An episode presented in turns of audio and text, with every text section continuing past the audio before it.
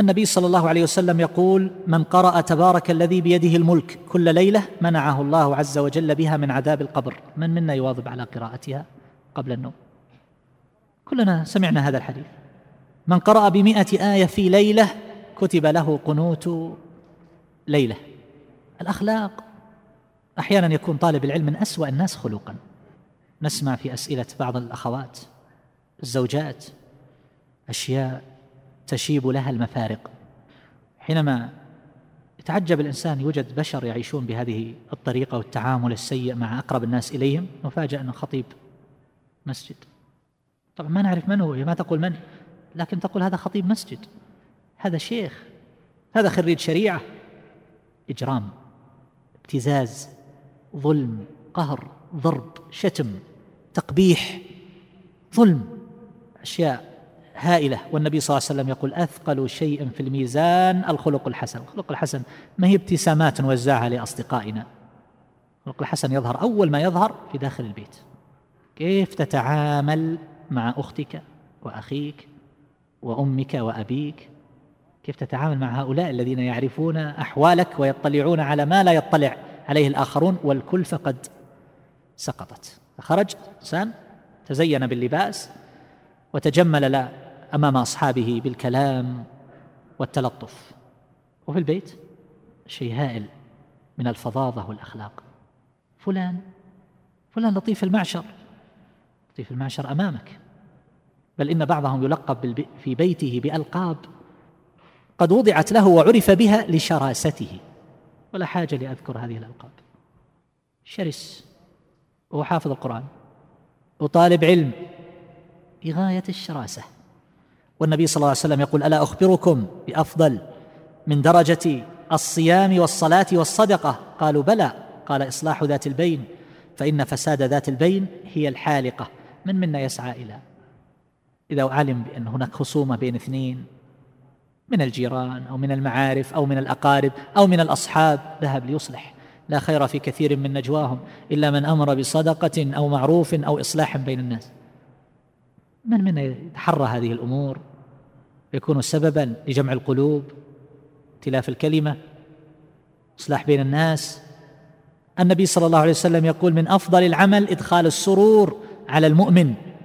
تقضي عنه دينا تقضي له حاجة تنفس له كربة. المفروض أن من عرف هذا وسمعه أن يشتغل به. إدخال السرور كلمة طيبة الخبر السار. احتسب ذلك عند الله عز وجل. تنفيس الكرب قضاء الديون. وهكذا. عيادة المريض. أنا رأيت من العامة من يذهب إلى المستشفى كل يوم. كل يوم. لأناس لا يعرفهم يمر على المستشفى. ورأيت من يذهب في يومين في الأسبوع. ومن يذهب في يوم ويوم. والنبي صلى الله عليه وسلم يقول إذا عاد الرجل أخاه المسلم مشى في خرافة الجنة حتى يجلس. فإذا جلس غمرته الرحمة. فإن كان غدوة صلى عليه سبعون ألف ملك حتى يمسي وإن كان مساء صلى عليه سبعون ألف ملك حتى يصبح.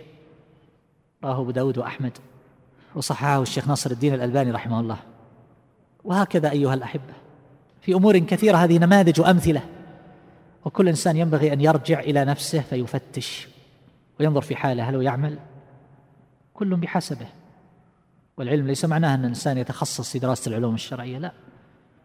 تسمعه في الإذاعة ما تسمعه في محاضرة ما تسمعه في المنبر من المنبر ما تسمعه. كل هذا من العلم. تقرأه في كتاب فأين العلم؟ فمن استكثر من العلم ينبغي أن يكون أكثر الناس عملا. يفترض أننا إذا دخلنا كلية مثل كلية الشريعة كان من الأمور التي ذكرها الشيخ يوسف حفظه الله.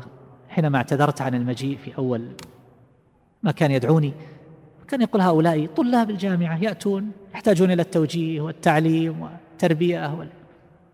أقول يفترض لو دخلنا في مساكن هؤلاء الطلاب وعاشرناهم أن نجد أنهم أكثر الناس عملا؟ لماذا؟ لأنهم أكثر الناس علما. هذا هو الواقع. أكثر الناس علما يجب أن يكونوا هم أكثر الناس عملا. فأين العمل؟ أين التطبيق؟ أين الامتثال؟ هذا الإعراض أيها الأحبة سبب بلايا ورزايا أصابتنا من قسوة القلوب والغفلة الغالبة كما سبب أيضا سمعة سيئة عند الكثيرين من العامة. ففتنوا بذلك حينما يرى أمثال هؤلاء ويرى ما هم عليه من قلة العمل وكثرة الانكباب على اللهو والدنيا وجمعها وحطامها يقولون ما لا يفعلون. إذا رأى إنسان من هذه النماذج فتن.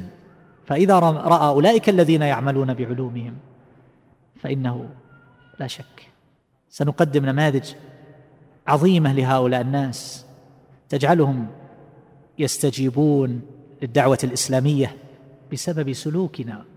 وأعمالنا وأحوالنا.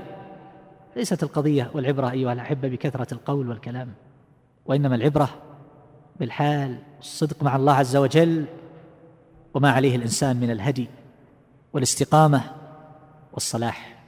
أيها الأحبة هذه ذكرى والذكرى تنفع المؤمنين وأستغفر الله عز وجل وأتوب إليه فالتقصير كثير وأعوذ بالله أن نكون أيها الأحبة ممن يأمرون الناس بالبر وينسون أنفسهم. ونسال الله أن يعفو عنا وعنكم يغفر لنا ولكم.